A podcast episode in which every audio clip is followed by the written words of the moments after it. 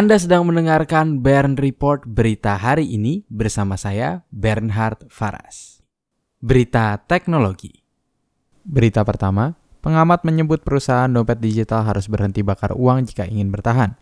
Pengamat ekonomi, Poltak Hotradero, berpendapat para pemain dompet digital harus tumbuh secara berkesinambungan jika ingin bertahan.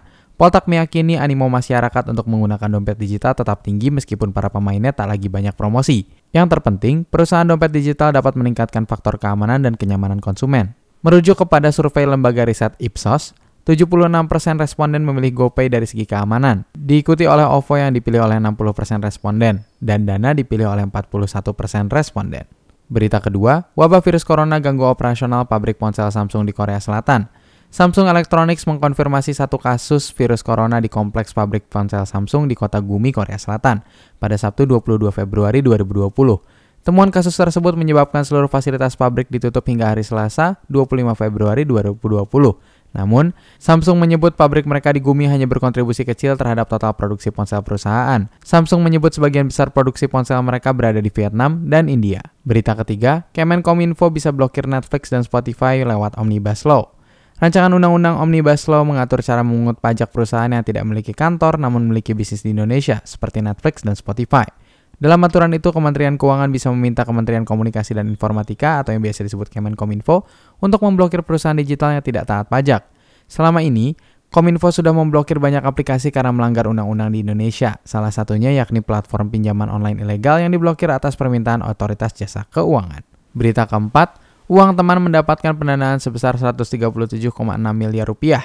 Perusahaan teknologi finansial pembiayaan atau biasa disebut fintech lending, uang teman, menutup pendanaan seri B sebesar 10 juta dolar Amerika Serikat atau setara dengan 137,6 miliar rupiah.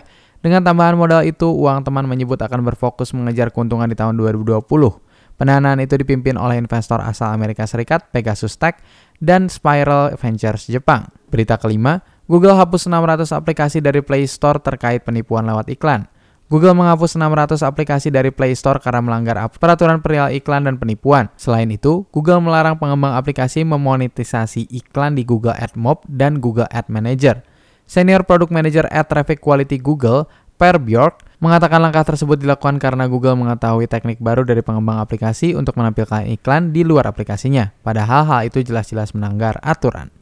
Untuk teks dan sumber berita selengkapnya dapat Anda lihat di website www.bernhardfaras.com. Terima kasih sudah mendengarkan Bern Report berita hari ini. Jangan lupa untuk membagikan kanal ini kepada kerabat Anda, tekan tombol like dan subscribe untuk mendapatkan kabar terkini setiap pagi dari hari Senin hingga hari Jumat pada pukul 6.30 waktu Indonesia Barat. Saya Bernhard Faras pamit undur diri, semangat selalu dalam menjalani hari ini.